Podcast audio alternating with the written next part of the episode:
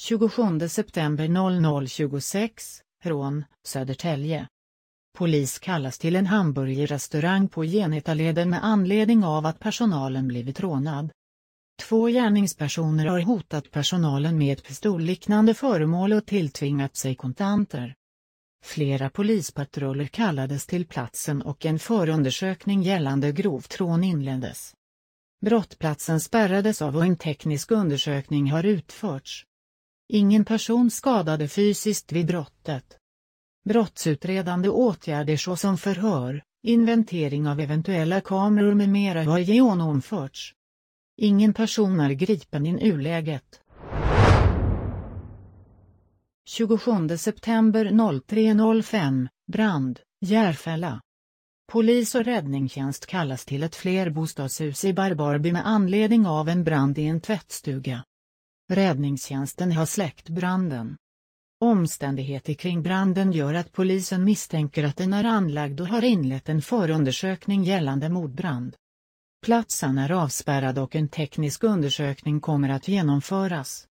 Ingen person har skadats och ingen person är gripen. Rättelse klockan 08.00. Brandplatsen är i ett grovsopprum och inte i en tvättstuga som tidigare uppgetts. 27 september 09.32, trafikolycka, Huddinge. Polis kallas till Storängsleden vid Sjödalen med anledning av en trafikolycka. En personbil har kört in i en stolpe. Skadeläget är oklart. 27 september 09.32, misshandel, Norrtälje. Polis kallas till de centrala delarna av Norrtälje med anledning av en misshandel. Två maskerade gärningspersoner har utdelat slag med ett tillhygge mot en man utomhus. Därefter har gärningspersonerna sprungit från platsen. En förundersökning gällande misshandel har inletts. Ambulanspersonal arbetar med att kontrollera den som blivit utsatt och det är just nu oklart om han behöver åka med till sjukhus för vård. Polisen arbetar med att leta efter gärningspersonerna. 27 september 11.35, trafikolycka, Huddinge. Polis och ambulans kallas till Masmovägen, Glömstavägen med anledning av en trafikolycka. Enligt initiala uppgifter är sex personbilar inblandade i olyckan. Skadeläget är oklart och Glömstavägen är just nu avstängd i båda riktningar. Uppdatering klockan 12.30. En person har förts till sjukhus i ambulans för vård och kontroll. Vägen är öppen för trafik i båda riktningar igen. Polisen kommer att upprätta en anmälan gällande att det är anpassat avstånd till framförvarande fordon. 27 september 15.42, trafikolycka, Stockholm.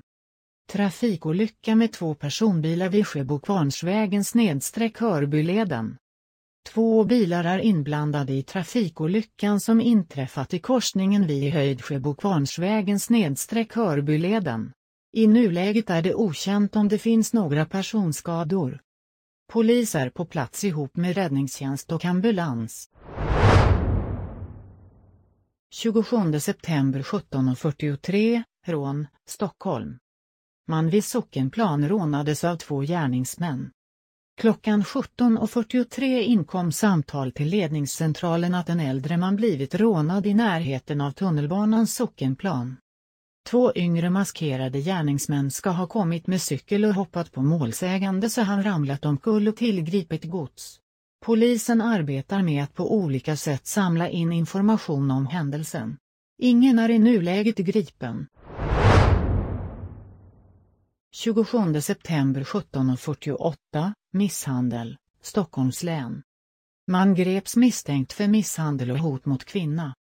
Polis beordrades till en bostad i de södra länsdelarna efter samtal om att en man slagit och hotat en kvinna denna har en relation med. I bostaden fanns även barn som ska ha bevittnat händelseförloppet. Då polis kom dit greps mannen som nu misstänks för misshandel, olaga hot samt barnfridsbrott. 27 september 1901, trafikolycka, Sollentuna.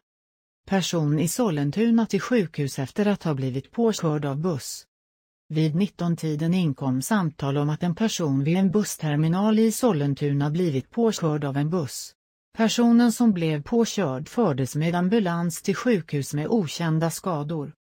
Bussföraren misstänks för vårdslöshet i trafik och vållande till kroppsskada.